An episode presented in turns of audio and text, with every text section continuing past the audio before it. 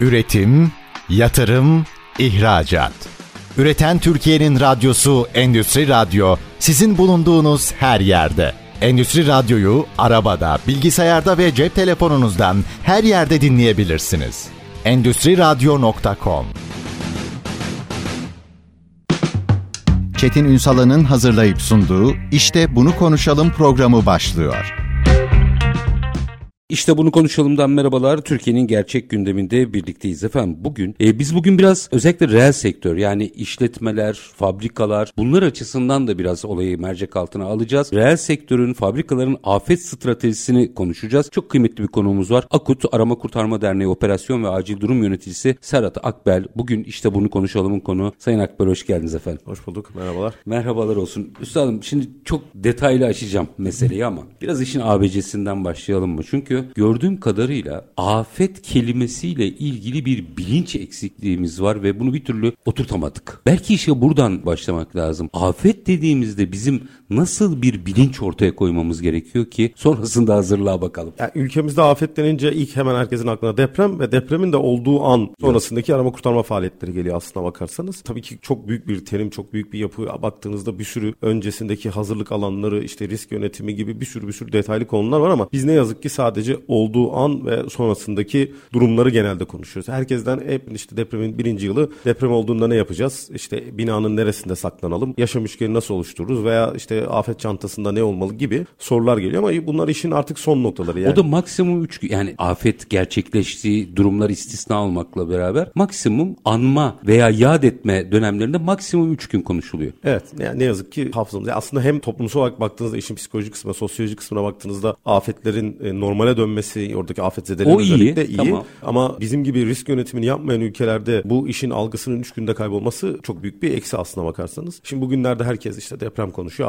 afetleri konuşuyor. Belki 3-5 gün sonra unutacağız. Günlük rutinimizden çıkacak. Yani vatandaşların da rutininde, planlamalarında sürekli bütün afetler için yani sadece deprem bahsetmemek gerekiyor. İstanbul gibi metropolde yaşıyorsanız meteorolojik afetler bizim için çok da önemli. Çünkü yani çok basit bir olay. Evinizden çıktınız, e, otoban yol kullanıyorsunuz. İş yerinize gideceksiniz ya da iş yerinizden dönüyorsunuz. Kar yağdı, yolda kaldınız. Hayatınız tehlikeye Bir de bir girebiliyor. afet. Yani evet baktığınızda meteorolojik afet diye sınıflandırdığımız seviyeye gelebilir. Acil durumlar ve afetler arasında bazı detaylar var. Bunlar çok teknik konular. Onlardan çok bahsetmeyeceğim ama afete dönüşebiliyor. Yani bunlar çok tehlikeli konular aslında baktığımızda. En önemli konu şu afetlerden bahsettiğimizde öncesi. Yani bizim genel olarak birey olarak da işte yönettiğimiz bir sistemimiz varsa orada da iş yerimizde de ülke yönetiyorsanız ülkede belediyeyseniz belediyede her yerde bakmamız gereken kısım aslında iş- işin öncesi. Yani işin risk kısmında çalışmamız gerekiyor. Yapılacak şeyler belli. Yani önümüzdeki tehlikeleri göreceğiz. Mesela İstanbul coğrafyası ya da işte Marmara bölgesi özelinde ya da tüm Türkiye için fay hatlarının yerini taşıyamayacağımıza göre deprem bölgesinde yaşıyoruz. Dolayısıyla burada bu ülkenin içerisinde yaşayan herkes her an deprem riskiyle karşı karşıya. E bu tehlike ortada. E buna karşı elimizde ne kaynaklarımız var, ne gücümüz var, neler yapabiliriz? Sağlam binalar yapmak zorundayız. Binalarımız yıkılmazsa arama kurtarma ekiplerine de ihtiyacımız olmaz. Herhangi bir şekilde insanlar hayatlarını da kaybetmez. Dolayısıyla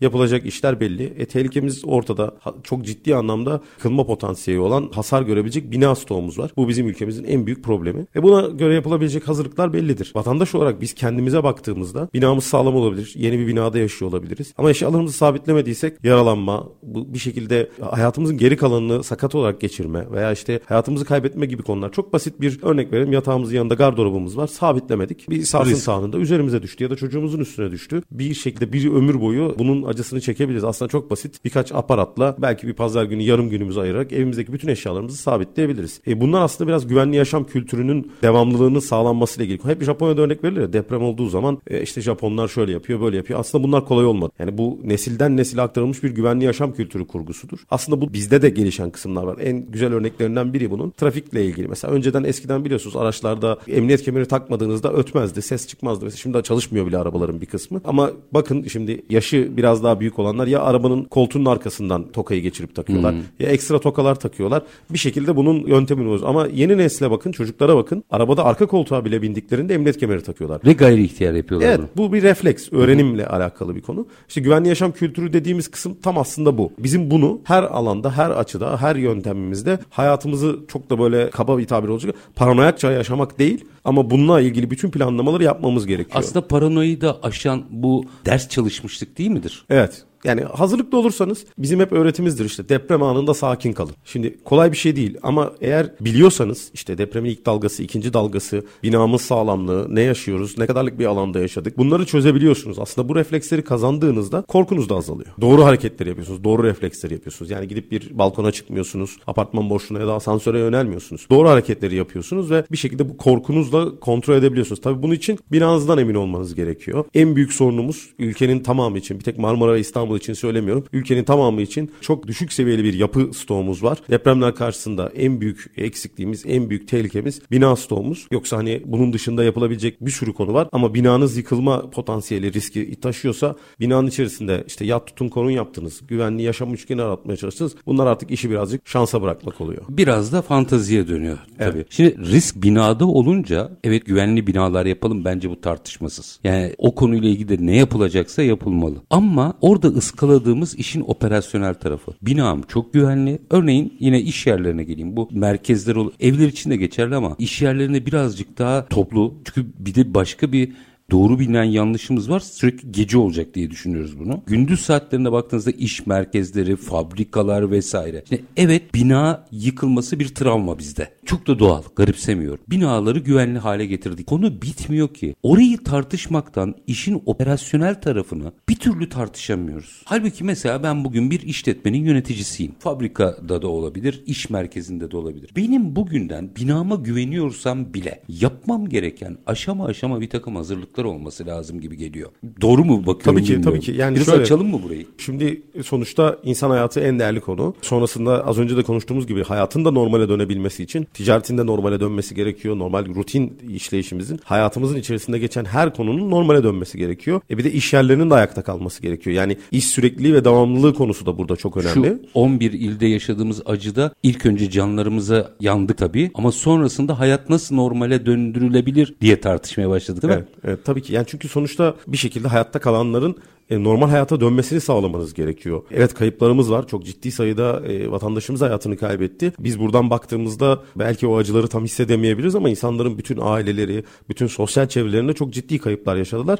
E, normale dönebilmeleri için hayatın yani depremden yani yaşadığımız afetten öncesine hayatı taşımanız gerekiyor. Burada ne var? Yani bir bireyin hayatının büyük bir kısmı iş. Yani sabah uyanıyor, işine gidiyor, akşam saatlerine kadar aslında günün tamamının yaşadığı yer iş yeri. Bir işin bu psikolojik tarafı var. Bir de sonuçta hayatı idame kısmı var. Yani hayatınızı devam ettirmeniz gerekiyor. Bunun için iş yerlerimizin devamlılığı önemli. Aynı zamanda bu iş yerleri ülke ekonomisi için anlamında da farklı konularda da ülkenin de sürdürülebilirliğini sağlıyor. Bu sebeplerin en büyük şeyi işimize dönebilmemiz anlamında. Yani şimdi burada iş sürekliliği devamlılığı konusu oturup çok uzun uzun çalışılması gereken konudur. Fabrikanız vardır, e, özel bir üretim yapıyordur. Üretim bandınızın durmaması gerekir. Durduğunda belki milyonlarca dolarlık zararla karşılaşacaksınız ama deprem oluyor, bina sallanıyor. Elektrik hatlarınızda yani genel hatta bir kesin kesinti oluyor. Ama sizin belki iş yerinizde belki bir buzdolabınızda kesintiyle zarar görebilecek bir durum var. Ama binanızda kontrollerini yapmadınız. Planlama yapmadınız. Jeneratör otomatik devreye girerse acaba personellerime zarar verebilir mi? Bunların hepsini öncesinde bu bahsettiğimiz risk analizi kısmında oturup çalışmanız gerekiyor. Uzmanlarla birlikte bu işin uzmanlarıyla şirketinizin röntgenini çekmeniz gerekiyor. Peki aşama aşama gidelim mi? Belki 2-3 dakika sonra bir araya gideceğim ama girizgahını yapalım. Ben bugün sizi dinleyen bir işletme yetkilisiyim. Gerçekten Serhat Bey bunu söyledi ama biz bu işlere hiç bakmadık dese ABC işe nerelerden başlaması lazım? Bir yolculuk yaptıralım mı onlara? Evet öncelikle işletmemizin risk analizlerini yaptıracağız. Yani bizim tehlikelerimiz neler? Bunlara karşı elimizde ne kaynaklarımız var? Yanma ihtimali olan bir işletmemiz varsa bununla ilgili söndürme ekipmanlarımız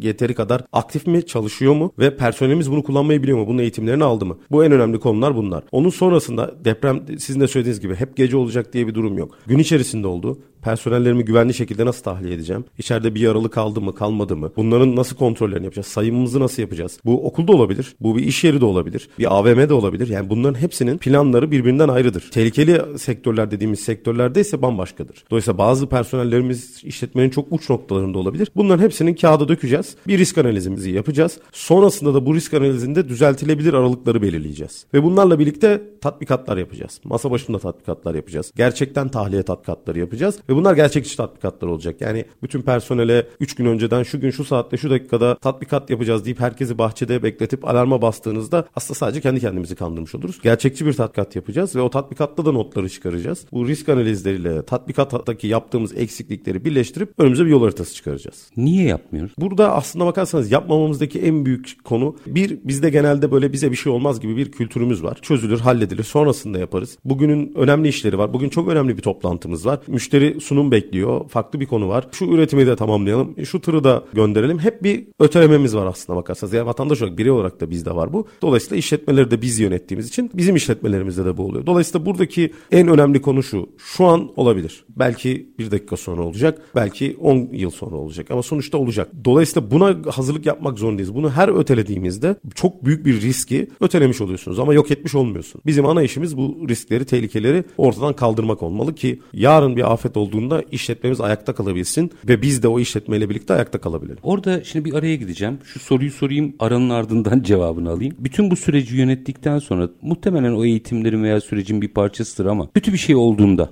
biz afat gelsin, akut gelsin diye bekliyoruz. İşletmelerin içerisinde bu tip eğitimler verilmesi gerekmiyor mu diye sorayım. Hatta eğer gerekiyorsa bu işin metodolojisini de biraz açmanızı rica edeceğim ama minik bir araya gidelim. Aranın ardından bunun yanıtını alacağım. Efendim Akut Arama Kurtarma Derneği Operasyon ve Acil Durum Yöneticisi Serhat Akbel bizlerle birlikte kısa bir ara aranın ardından işte bunu konuşalım. Üretim, yatırım, ihracat. Üreten Türkiye'nin radyosu Endüstri Radyo sizin bulunduğunuz her yerde. Endüstri Radyo'yu arabada, bilgisayarda ve cep telefonunuzdan her yerde dinleyebilirsiniz. Endüstri Radyo.com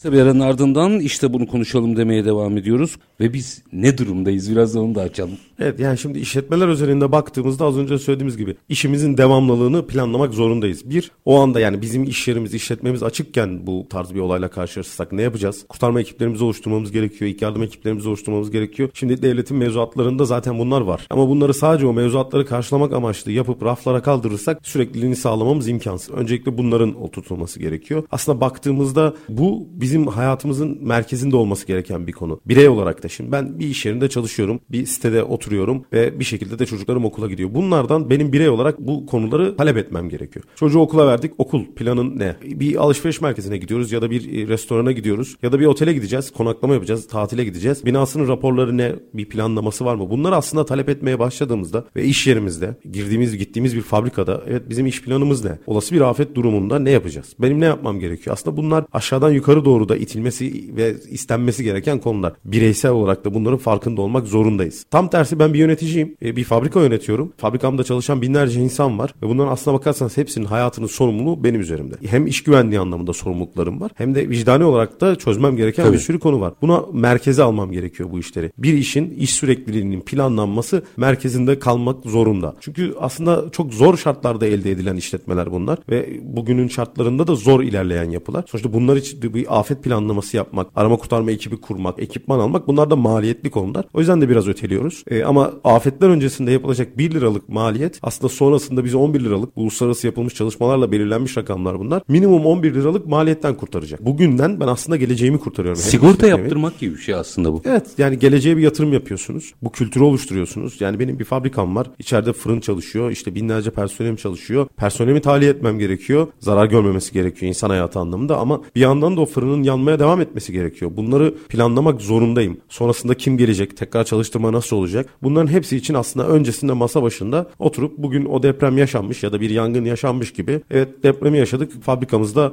bu eksilerimiz var, bu artılarımız var. Bunu masa başında önce bir oynamak gerekiyor bu senaryoyu. Sonra bunları sahada uygulamak gerekiyor. Tabi bunlar bir yandan baktığınızda hep aynı şey söylüyorum. Zaman ve maliyet kaybıymış gibi görülüyor ama hiç böyle bakmamak lazım bu konuya. Bu konuyla ilgili iş yapan işletmeler var. Yani siz de içlerine giriyorsunuz, çıkıyorsunuz, hizmet veriyorsunuz biliyorum. Onların motivasyon, temel motivasyonu ne oluyor? Ki diğerlerine de sirayet ettirelim. Evet burada e, bizim e, Akut'un e, bir Akut Arama Kurtarma Derneği'nin bir enstitüsü var. Burada yaptığımız danışmanlıklar var uzun dönemdir. Burada elde ettiğimiz kaynaklarla da arama kurtarma yapıyoruz. Burada bizim gördüğümüz birebir danışmanlığını yaptığımız firmalarda iki e, seçenek görüyoruz. Ya öncesindeki afetlerden ya da acil durumlardan ciddi zararlar görmüş işletmeler ya da özellikle yurt dışı kaynaklı şirketler ya da yurt dışı yatırım almış şirketler. Biraz da oradan da gelen ne diyelim afet yönetim bilinciyle bununlu hale gelen firmalar da var içerisinde. Bizim direkt raporlamaları e, uluslararası yatırım fonlarına yaptığımız işletmelerimiz de var. Aslına bakarsanız dediğim gibi ya işte bir şekilde bundan etkilenmiş, bunun zararını görmüş, maddi manevi zorlanmış ki genelde burayı görüyoruz ülkemizde. Ne yazık ki bizim başımıza geldikten sonra önlem almaya çalışıyoruz. Aslında Atatürk'ün de söylediği çok güzel bir söz var. Felaket başa gelmeden önce önlemleri, tedbirleri almak gerekiyor. Kriz Olduktan yani. sonra bununla ilgili dövünmenin çok bir anlamı kalmıyor açıkçası ve bir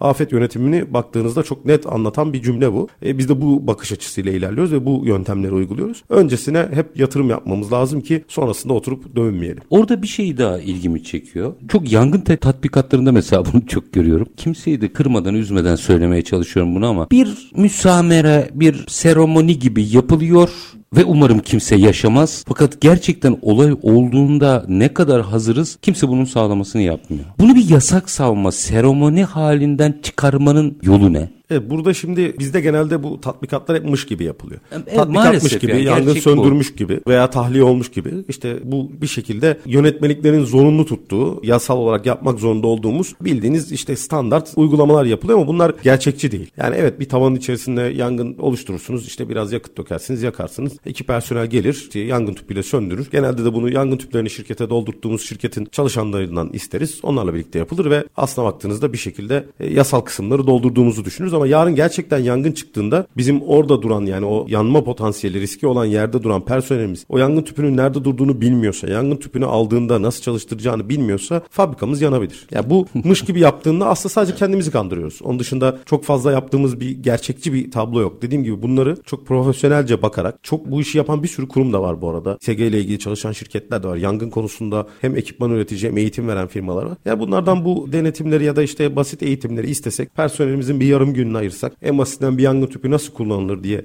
öğretsek ve bunların uygulamalarını yaptırsak tüplerin yerleri de belirgin hale gelse personelimiz öğrense belki yarın milyonlarca liralık zararı çok basit yarım günlük bir eğitimle kurtarmış olacak. Yine aklıma gelen hususlardan biri sizin tespitlerinizi almak isterim. Mesela bir fabrika yatırımı yapacağım ben. Her şeyini şey yaparım. Yani bakın o bölgede teşvik var mı, ulaştırma var mı, işte su var mı vesaire her şeyi sorgularım. Hatta bunun içine koyacağım makineleri bile sorgularım. Ama yatırım yaparken burası afet riski nedir diye sorana hiç rastlamadım ben. Siz rastladınız mı? Evet, çok nadir yani seçeneklerin arasında çok az görüyoruz bunu ki şundan dolayı görüyoruz. Fabrika sahaları kuruluyor, depolama alanları kuruluyor. Evet itfaiye kontrolleri var yasal mevzuatta. Metrekareye göre, risk grubuna göre söndürme sistemleri, yedek jeneratörler, hidraforlar vesaire bir sürü yönetmelikte yazan kısım var. Ama mesela bunu birebir görmüşlüğüm var. Çok ciddi bir yatırım, çok yeni yapılmış bir fabrika ama su üzerindeki planlamalar yani selle karşı olan raporlar ve selle ilgili planlamalara bakılmadığı için çok yeni bir fabrikanın yaklaşık 1-1,5 metre su altında kaldığını birebir gördüm. Ve bu öyle bütün şehri etkileyen bir su baskınından da bahsetmiyoruz. Aslında baktığınızda bu raporlara rahatlıkla ulaşabiliriz. E, devletin resmi kurumlarında su baskınları ve taşkınlarla ilgili birçok bilgiyi alabiliriz bu yatırımları yapmadan önce. Ama bu bakış açısıyla bakmadığımız için bir de afet ve acil durum deyince hemen hemen herkesin aklına sadece deprem geliyor. Evet. Biraz da sektörü yangınla alakalıysa yangın geliyor ama bir tek bunlar değil. Yani bir sürü afet olasılığı var ve işte meteorolojik afetler de artık gündemimizde ve sürekliliği artmış durumda. Baktığınızda hani depremlerin oluş sıklığıyla meteorolojik afetlerin oluş sıklığına baktığınızda bir işletme için ciddi risklerden biri artık bu. Yani İklim krizi aslında Evet. birebir risk haline geldi. Evet çok ciddi. Mesela fabrikamızın çatısı olası anlık kar yağışlarını taşıyabilecek şekilde mi? Eğer kar yağışı olacak bir potansiyel olan bir coğrafyadaysak veya sel sularıyla ilgili su baskınında ne yapabilirim? Benim stoğum suyla ilişkili ne zarar görebilir? Bunların hepsinin aslında tam yönlü bir afet bir stratejisiyle bakmak gerekiyor. Sadece bir iki afeti seçip arasında ona hazırlandığımızda da eksik kalıyoruz. Çok ilginç tabii. Geçen iki gün önce galiba bir yerde gördüm. Bir öğretmen evi. Derenin yanında altı katlı falan. Yani bize bir şey olmaz duygusu mu var bizde ne bilmiyorum ama yasalar aslında hepsi yasak savmak için değil. Uyulmak ve bizi korumak için yapılan işler. Biz galiba şu yasak savma meselesini biraz aşmamız gerekiyor. Ne dersiniz? Evet yani bu şimdi belli mevzuatlar aslında hani çok da düzgün yazılmış. Tam da konunun ihtiyaçlarını karşılayan şekilde hazırlanmış olanlar var ama dediğiniz gibi bizde hep bunlar ya neresinden kurtarırız, ne yaparız, sınırları ne, minimum neyle kurtarabiliriz gibi hesaplar yapılıyor. Kastamonu'da Bozkurt'ta yaşanan seli hatırlarsınız. Hı hı. E, dere yatağının içerisinde çok katlı binalar, işte bir şekilde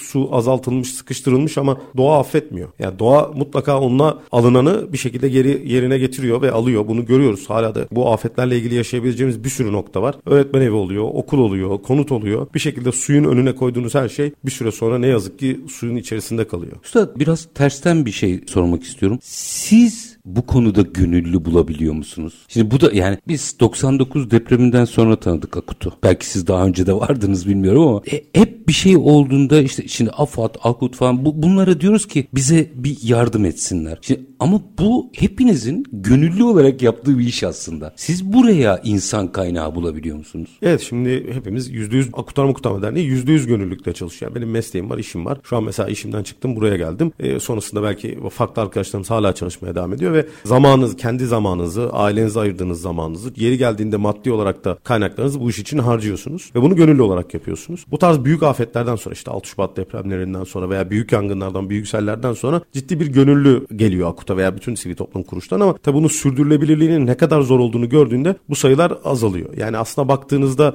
bir arama kurtarma gönüllüsünün yetiştirilmesi yaklaşık 2,5-3 yılı buluyor. Ciddi bir eğitimden geçtiği halde. E, bu halde bu sürede oluyor ve hani bu o kadar da kolay değil. Bazen bir heyecanla geliyoruz. çünkü ne oluyor? Deprem oluyor, büyük bir afet oluyor. Televizyonlarda görüyoruz. Bizden birileri gönüllü, benim gibi vatandaş gelmiş, e, işini bırakmış, gitmiş. Ki siz e, o süreçte bize nasıl gittiğinizi de bile anlatmıştınız. Yanlış hatırlamıyorsam. Evet, evet, evet. Yani zor bir e, şey Hı-hı. ama ya baktığınızda e, birazcık da böyle albenisi olan hani aa evet ben de yapabilirim. Bu ben de gidebilirim. Çoğu kişi de şöyle zannediyor bunu. Hani Akut'un kapısından gireceğim, 2-3 ay eğitim alacağım ve hemen büyük afetlere ya da depremlere ya da işte sellere bu öyle değil. Yani zor da bir süreç. O yüzden de gönüllü sayılarında azalma oluyor. Her branştan. Bu arada illa arama kurtarma yapmak zorunda değilsiniz. İlla sahada da olmak zorunda Lojistik değilsiniz. destek var evet. bir sürü şey var değil mi? Yani o afet anında ya da bir acil durum anında ya da rutin zamanda genel merkezde ya da farklı noktalarda tutulan nöbetler. Yani ihbarı aslında operasyonu ilk siz başlatıyorsunuz. Sadece bir telefon açıyorsunuz. Bir form dolduruyorsunuz. Kaybolmuş bir çocuk belki ormanda. E, belki işte dağın tepesinde kalmış bir keçi ya da bir deprem olmuş. İnsanlar binlerce insan enkaz altında. Bu operasyonu nöbetçi başlatıyor ve fiziksel olarak herkes bu nöbeti tutabilir. O arama kurtarma yapan arkadaşların bir çay içmesi gerekiyor en basitinden ya da e, operasyona giden araçların geri geldiğinde bakımı yapılıyor. Bütün e, jeneratörlerden kırıcılara her şeyin bakımı yapılıyor. Depolarda çalışmalar yapılıyor. Bu kişilerin kayıtları tutuluyor. Hangi personel nerede, hangi eğitimler almış gibi. Aslında baktığınızda bir sürü yapılabilecek konu var ve Akut'un her gönüllüye ihtiyacı var. O yüzden de aslında hani illa da operasyonda ve sahada olması gerekmiyor. Evet. Geri planda da ciddi anlamda iş var. E, aslına baktığınızda işin büyük bir kısmı arka planda yapılıyor. Lojistikte yani. Evet. Ön tarafta arama kurtarma kısmında belli fiziksel yeterlikleri olan hem fiziksel olarak hem mental olarak bu işe hazır sınavlarını geçmiş ve sürekli yapılan sınavları geçmeye de devam eden eğitimlerini tamamlamış arkadaşlarımız çalışıyor. Ama geri planda arka hizmette çok ciddi sayıda bir gönüllüye ihtiyacımız var. Şimdi işin tabii Allah göstermesin afet tarafı ve oradaki operasyon bunu tamam. Ama şimdi bir araya gideceğim. Aranın ardından işin şu boyutunu açmak istiyorum. Bu aslında bütün profesyonellerin yönetim gösteren veya işte yönetimde idarede olan veya oraya aday olan herkesin aslında geçmesi gereken bir eğitim. Ben çocuk ve genç kamplarınızı hatırlıyorum. Daha önce de birazcık konuşmuştuk bunu ama belki işin o boyutunu yani risk ve kriz yönetimiyle ilgili bakış açısı geliştirme boyutunu da konuşmak istiyorum. Tabii ki bu profesyonel, profesyonel de diyebileceğim ki işini iyi bildiği için profesyonel diyorum. Yoksa hiçbir maddi karşılıkla yapmıyor bunu. Ama profesyonelleşmiş insanlar evet bu alanlarda acil durumlarda müdahale ediyor. Ama normal hayatlarında aslında orada aldığı eğitim normal profesyonel hayatını da çok etkili. İşin bu boyutunda biraz açmak isterim. Minik bir araya gidelim. Aranın ardından o akademiyi birazcık açmak istiyorum. Efendim Akut Arama Kurtarma Derneği Operasyon ve Acil Durum Yöneticisi Serhat Akbel bizlerle birlikte. İşte bunu konuşalım diyoruz. Kısa bir ara. Lütfen bizden ayrılmayın. Üretim, yatırım, ihracat.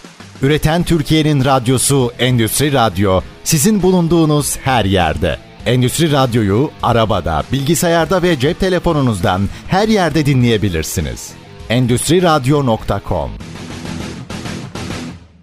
Kısa ardından işte bunu konuşalım demeye devam ediyoruz. Konuğumuz Akut Arama Kurtarma Derneği Operasyon ve Acil Durum Yöneticisi Serhat Akbel. Reel sektör ve fabrikaların afet stratejisini aslında uzun uzadıya konuştuk. Yapılacak işler çok belli. Ama ve lakin şimdi ben araya gitmeden önce başka bir boyut daha açmıştım. Şimdi bu konuyla ilgili öncelikle yüreğinize, emeğinize sağlık ve hem olaylarda hem de onun dışındaki denetim, eğitim vesairelerde çok ciddi katkılarınız var. İşin bu boyutunu bir kenara bırakıyorum. Biraz daha reel sektörü boyutunda farklı bir yere açmak istiyorum. Hepiniz aslında profesyonel iş hayatları olan insanlarsınız ve gönüllü olarak da bu işleri yapıyorsunuz. Çocuk ve gençlik kamplarını hatırlıyorum ben. O süreçte yaptığınızda şu benim çok ilgimi çekmişti. Bu stratejiyi ve bu eğitimi alan ilke şuydu galiba zorlu koşullarla baş etmeyi öğrenmek gibi bir kavram vardı hafızamda yanlış kalmadıysa. İşte bu aslında bizim bugün işletmelere, işletme yöneticilerine, çalışanlara, herkese anlatmaya çalıştığımız bir şey. Meseleye biraz da buradan bakalım mı? Hani sırf gönüllü olmak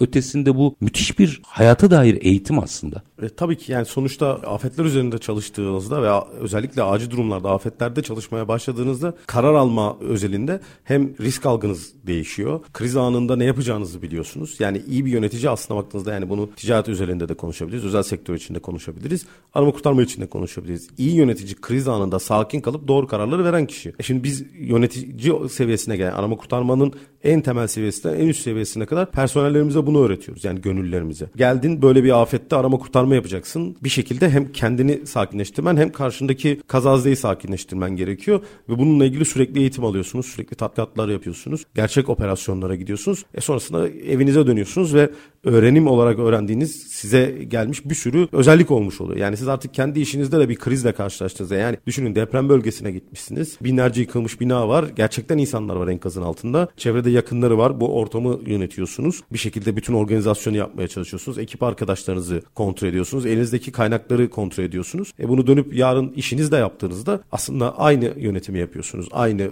şeyleri devam ettiriyorsunuz ve çok daha sakin yapıyorsunuz. Çünkü işin sonunda birisi ölmüyor. Öbür tarafta birinin ölme olasılığı var. Yani yanlış bir karar aldığınızda gerçekten birinin hayatını kaybetmesine ya da kurtarılmasının uzamasına ya da hayatı boyunca e, bir tekerlekli sandalyede kalmasına sebep olabilirsiniz. Ama iş yerinde öyle bir riskiniz yok. En fazla para kaybedersiniz. O yüzden çok daha rahat yönetilebilir hale geliyor ki yani dünyada da bunun örnekleri var. Üst seviye yöneticilere özellikle doğada yapılan eğitimler çok zor şartlarda fiziksel olarak zorlandıkları çok zor şartlarda anlık kararlar vermelerini istedikleri eğitim programları var. Bizim arama kurtarma personelleri için yaptığımız eğitimler aslında aynı mantaliteyle üretiliyor. Baktığınızda dünyanın her yerinde bunlar var. Özellikle çocuklarla ilgili biz afet eğitimlerinde ve aslında doğa eğitiminin her noktasında da çocuklara bunun indirilmesi gerektiğini her ortamda söylüyoruz. Artık zaten genel olarak eğitimlerimizin büyük bir kısmını da çocuklara yönelttik. Çünkü bir yetişkinin davranışlarını değiştirmek çok zor. Yani bir evin eşyalarının sabitlenmesi konusunda ikna edilmesi, yatağın hemen camın yanında olmaması, binanın kontrolünün yapılması, acil durum çantasının hazır tutulması 6 ayda bir kontrol edilmesi bunlar günlük rutin e, iş hayatımızda olmadığı için sonradan öğrenmeye çalıştığınızda ikna almamız çok zor oluyor. O davranışları değiştirmek zor ama bir çocuğu bu şekilde yetiştirdiğinizde yani doğa eğitimi aldı, izcilik eğitimi aldı diyelim. Çadırda kalmayı biliyor, ateş yakmayı biliyor, olası bir durumda doğada yürümeyi biliyor, yön bulmayı biliyor. E, geldi afet yaşadı, rahatla çadırda kalabilir. Hiç zorlanmadan hayatını idame edebilir, bir şekilde yemek bulabilir, kamp ocağı yakabilir. En azından ev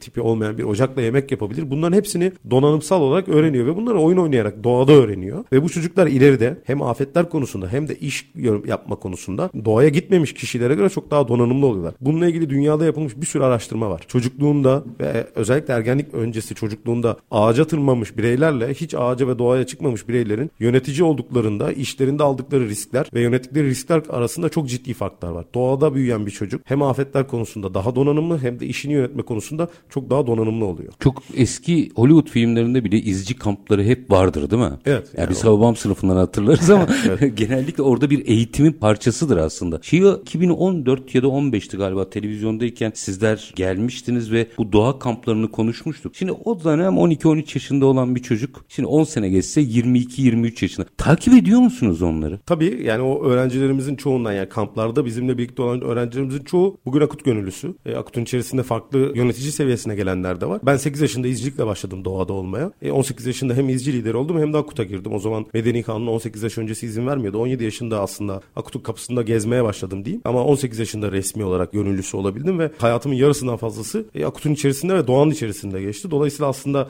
doğa eğitimi afetler konusunda önemli noktalardan biri. Doğada yetişmiş, doğayı tanıyan e, ve doğada yaşanabilecek acil durumlar konusunda da donanımlı olmuş bir öğrenci ileride hem afet konusunda hem de afetler içerisinde çalışan sivil toplum kuruluşları ya da devletin resmi kurumları için çok büyük potansiyel. Bunu müfredata sokmak gerektiğini düşünüyor musunuz? Aslında doğa eğitimi şimdi hem özel okullar dediğimiz kısımda anaokullarından itibaren çocukların doğa işte bu Finlandiya ekolü ve farklı farklı hı hı. ekoller adı altında da doğada olması, işte ne diyelim tarım yapması, hayvanlarla birlikte büyümesi üzerine Ama bir sürü çok pikniğe var. götürüyor hocam. Gerçek bir eğitimden bahsediyor. aslında yapan, yapan kurumlarda var şimdi. Devletin de aslında okullarında resmi Bazı yapılan, belediyelerin yaz evet, kampları falan oluyor. Bunun daha topyekun bir hale gelmesi gerekiyor. E, izcilik ülkemizde çok köklü. Aslına bakarsanız 100 yıllık bir geçmişi Doğru. var. Ve işte İngiltere kökenlidir izcilik. Sonrasında Almanya, Türkiye ve Amerika'ya Osmanlı zamanı tabii ki. Aynı anda aslında gelmiş ama bugün işte sizin de söylediğiniz gibi Hollywood filmlerini izlediğinizde doğada olmak, kamp yapmak, çocukların izcilik yapması ve gerçekte de böyle bu arada. Yani bu eğitim alanları, çocukların her birinin doğada büyümesi konusunda bizden biraz öndeler. Yani biraz değil bayağı öndeler. Bizim bu alanı hızlandırmamız gerekiyor. Yani çocuklarımızı bir şekilde doğaya göndermeliyiz. Doğada eğitimlerini almalılar gerçekten bir domatesi, biberi tohumdan hasata kadar üretmeyi öğrenmeleri gerekiyor. Bu okulun en temel eğitimlerinden biri olmalı. Hem de çadırlarda kalmayı, acil durumlarda yön bulmayı, ateş yakmayı bunların hepsini öğrenmeleri lazım ki yarın ülkemizde afetler tekrar yaşandığında bu çocuklar bu zorluğu yaşamasın. Bakın Japonya'da hep örnek veriyoruz ya Japonya'dan. 6 ayda bir farklı tatbikatlar yapılıyor bu konularla ilgili. Aslına baktığınızda ülke olarak çok donanımlılar. Bir sürekli tatbikatlar ama büyük tatbikatların yapıldığı, yıllık tatbikatların yapıldığı dönemler var. Bunu yapmalarındaki en büyük sebep orada okullar toplanma alanları ve çocuk konaklama alanı olarak kullanılıyor. Çocukların gerçek afetler sonrasında psikolojik olarak yıpranmamaları için hani niye geldik okulda kaldık? Ne oldu? Hani rutinimizden niye çıktık diye düşünmesinler diye ve bu sonrasında çocuklar için bir travma yaşatmasın diye bu tatbikatları devam ettiriyorlar. Çocukların alışabilmesi için yapıyorlar. Yani eğitimin bir parçası gibi algılatıyor çocuğa. Evet yani bu hayatın rutini. Sonuçta Japonya'da çok ciddi bir e, deprem bölgesi. Bu bizim hayatımızda var ve hayatımız boyunca bunlar olmaya devam edecek. Biz geri geldiğinde bu tarz bir deprem yaşadığımızda gerekirse geleceğiz okulda ya da parkta kalacağız. Sonra tekrar normal hayatımıza döneceğiz. Bu bir refleks öğrenimi. Bu konuyla ilgili bir model metodoloji geliştirmek istesek doğru incelememiz gereken yer Japonya mı? Japonya önemli. Baktığınızda kültür olarak benzer bir e, şeyimiz var. Afet kültürü anlamında söylüyorum. Tabii biz çok geriyiz ama e, işlememiz gereken gerek yol burası. Yani çok büyük depremler yaşanıyor ama yıkım yok. Çok az sayıda oluyor. Farklı bir afet planlama. Yani bütüncül afet planlaması. Yani şunu demeye çalışıyorum. Deprem oldu arkasından tsunami, arkasından yangın. Bunlar farklı bütünleşik afet Tam kriz yönetimi yani. Ciddi bir yönetim sistemi var. Bizim de bunu yapmamız gerekiyor. Niye? Çünkü her depremden sonra ciddi yangınlar yaşadık. 99'da e, Tüpraş'ta ciddi bir yangın yaşadık. Şimdi bu yaşadığımız Maraş depremlerinde İskenderun'da e, liman bölgesinde ciddi. Yani bunlar iki, zaten deprem ikinci afetleri doğuran bir afet türüdür. Dolayısıyla bunun hazırlığını yapmamız gerekiyor. Bu risklerimiz var. Bu planlamaları yapmak zorundayız. Doğru yöntem burada örnekleri var. Farklı ülkelerin de bu işte çok uzman olduğu noktalar var. Bunların hepsini alıp ama Türkçe'ye çevirmeden, Türkiye'leştirerek yani bizim ülkemize uygun. Yani şimdi biz Japonya'daki bir yapı stoğuna göre afet planlamamızı yaparsak Gol burada çalışmaz. Evet. Veya Amerika'daki disipline göre bir hazırlanmış olan afet planını alıp bizim ülkemizde uygulamaya çalışırsak çalışmaz. Biz bu örnekleri alacağız. Kendi ülkemize göre uyarlayacağız. Bunu Türkiye'leştireceğiz ve o şekilde kullanacağız. Kim bir 5 dakikam var. Birkaç şey sormak istiyorum. Pek konuşulmayan bir yan konuşmak istiyorum size. En son tamam 6 Şubat ama siz e, zaten bir dağcı bile kaybolsa e, gidip operasyon yapıyorsunuz. Ama deprem işin uluslararasılaşması açısından çok daha bu soruma uygun. Orada evet hep beraber bir mücadele veriliyor vesaire ama ben sizlerin sonra aranızdaki etkileşimi merak ediyorum. Yani gelen Yunan Japon bilmem ne şuradan buradan gelen arama kurtarma ekibiyle buradaki Türk arama kurtarma ekiplerinin hem o esnada hem de sonraki iletişimi pek konuşulmaz. Biraz paylaşabilir misiniz? Evet burada şimdi uluslararası arama kurtarma operasyonları Birleşmiş Milletler çatısı altında İNSARAK dediğimiz uluslararası arama kurtarma ekipleri tavsiye grubu tarafından koordine edilir. E, olası bir operasyon durumunda ülke uluslararası çağrı yaparsa bu akreditasyona girmiş, bu sınıflandırmayı geçmiş ekipler e, ülkelerinden de onay alarak o bölgeye operasyona giderler. İlk giden ekip yönetim merkezini kurar. Sonra da Birleşmiş Milletler'den gelen ekiple birlikte operasyon yönetilir. Yani bütün ekipler beraber çalışır çalışırız. Bizim sistemlerimiz hemen hemen aynıdır. Kullandığımız malzemelerin büyük bir kısmı aynıdır. Birbirimize batarya değiştirebiliriz. Aynı kameraları, aynı dinleme cihazlarını kullanırız. Aynı standartlarda operasyon yaparız. Yani bugün Amerika'dan bir kurtarma ekibi geldiğinde birebir bizimle yan yana çalışabilir. Yani aynı ekibin üyesi gibi çalışırız. Uyumluluk aynı teknikleri yani. kullanırız ki nitekim Maraş depremlerinde bu organizasyon içerisinde olan ekiplerin hemen hemen hepsiyle uyumlu ve organize bir şekilde çalıştık. Sonrasında gene Birleşmiş Milletler koordinasyonu mesela bu yıl Katar'da yapıldı. Bu büyük afetlerden sonra değerlendirme toplantıları yapılır. Ayrı ayrı masalar fabrikalar kurulur. Her konu üzerine. Lojistik konusunda, arama kurtarma konusunda, planlama konusunda neleri doğru yaptık, neleri iyi yaptık, neleri geliştirebiliriz ki Maraş depremleri dünyada arama kurtarma literatürünü değiştirecek seviyede bir deprem. Çok büyük. Ee, çok büyüktü, çok ciddi bir alana Genişti. yayılmıştı. Çok ciddi anlamda arama kurtarma ile ilgili ihtiyaç vardı. Dolayısıyla bu konuda da çok önü açık bir yenileme süreci başladı. Birleşmiş Milletler'de de bu konu konuşuldu. Biz de gittik. E, çünkü biz de AFAD'da akut ilk bu sınıflandırmayı Türkiye'de alan ekiptir. AFAD'la birlikte e, AFAD e, bu toplantıdaydı. Biz de oradaydık. Farklı e, sivil toplum kuruluşlarından da sınıflandırmasını tamamlamış ekiplerimiz var. E, onlar da odalarda hep beraber bu konuları konuştuk, tartıştık. Bundan sonra olabilecek afetlerde beraber nasıl Ha, çalışabiliriz? teknik analizi sonrasında yapılıyor yani hep Tabii birlikte. ki, tabii ki. Yani bunun planlaması nasıl yapıldı? Koordinasyonu nasıl yapıldı? Ulaşımda ne sorunlar yaşadık? Arama kurtarma ile ilgili gittiğimiz enkazlarda neler gördük? Herkes raporlarını yazıyor ve sonrasında oturup bunları tartışıyoruz. Örneğin e, baktığınızda aslında Türkiye'deki arama kurtarma ekipleri afetler ve arama kurtarma konusunda çok tecrübelidir, çok bilgilidir, çok da donanımlıdır. Malzeme anlamında da personel anlamında da ve parmakla gösterilir. Yani bugün AFAD'da, AKUT'ta, diğer sivil toplum kuruluşlarımızda askeriyenin ekipleri de ciddi anlamda donanımlıdır. Aslında bu çok da sevinmemizi gerektirecek bir konu değil. Şundan dolayı biz sürekli ülkemizde afetler yaşadığımız için bunları ne yazık ki ülkemizde sürekli deneyimliyoruz. Vaka sürekli sürekli çünkü, sürekli bunları yapıyoruz. Aslında baktığınızda bu çok da se- yani krizde çok güçlüyüz demek çok kriz yaşıyoruz demek aslında baktığınızda. Bu çok da sevinecek bir şey değil ama bir yandan da dünyada parmakla gösterilen konusunda uzman ekiplerimiz var. Burada da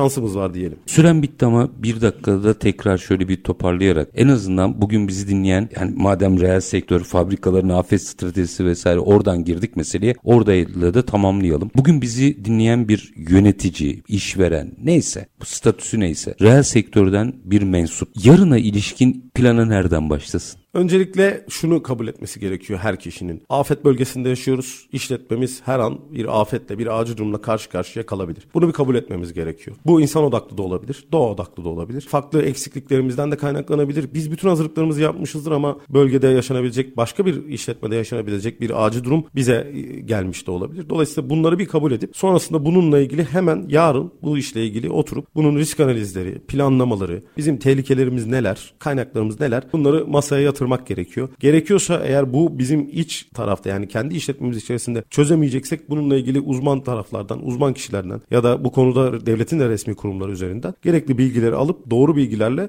o bilgileri az önce nasıl Japonya'daki bilgiyi alıp Türkiye birebir Türkçe'ye çevirme değil Türkiye'leştirme dedik. Her işletmenin de riskleri ve elindeki kaynakları birbirinden ayrıdır. O raporları, o planlamaları kendimize göre uyarlayıp sonra da bunları işleme almamız gerekiyor. Yani dosyaları hazırladık, afet planı yaptık, dolaba koyduk. O afet planı bizi kurtarmayacak. Yürümesi lazım. Evet. Bir de meseleyi Temmuz, Kasım ve Şubat'tan ibaret tutmamak E, gerekiyor. Kesinlikle. Evet. Bu birer günden ibaret. Yani bu bir sosyal medya paylaşımı değil. O paylaşımda taziye istenen, taziye yollanan siz ve çalışma arkadaşlarınız, aileniz de olabilir tabii ki. Allah bir daha yaşatmasın diyelim ama günün sonunda bir deprem ülkesindeyiz. Biz hazır olalım da gerisine yapacak bir şey yok. Onu o zaman düşünürüz. Akut Arama Kurtarma Derneği Operasyon ve Acil Durum Yöneticisi Serhat Akbel çok teşekkür ediyorum. Ben teşekkür Hem ederim, geldiniz bilgilerinizi bizlerle paylaştınız hem de sizin nezdinizde bu arama kurtarma çalışmalarında cansiperane ve gönülden hizmet veren herkese ayrıca teşekkür ediyorum sizin nezdinizde. Var olun efendim. Teşekkür ederim. Yüreğinize sağlık. Efendim biz bugün afet konuştuk. Aslında reel sektör ve afet stratejisini mercek altına aldık. Onun içerisinde aslında Sayın Akbel'den o sistematiği, dünya ile entegrasyonu, hatta bu işin iş dünyasındaki yönetim bakış açısındaki yetişmeye kadar faydalarını birçok noktadan konuştuk. İşte bunu konuşalım dedik. Konuğumuz Akut Arama Kurtarma Derneği Operasyon ve Acil Durum Yöneticisi Serhat Akbel'di. Biz her zamanki gibi bitirelim. İşinizi konuşun, işinizle konuşun. Sonra gelin işte bunu konuşalım. Hoşçakalın efendim.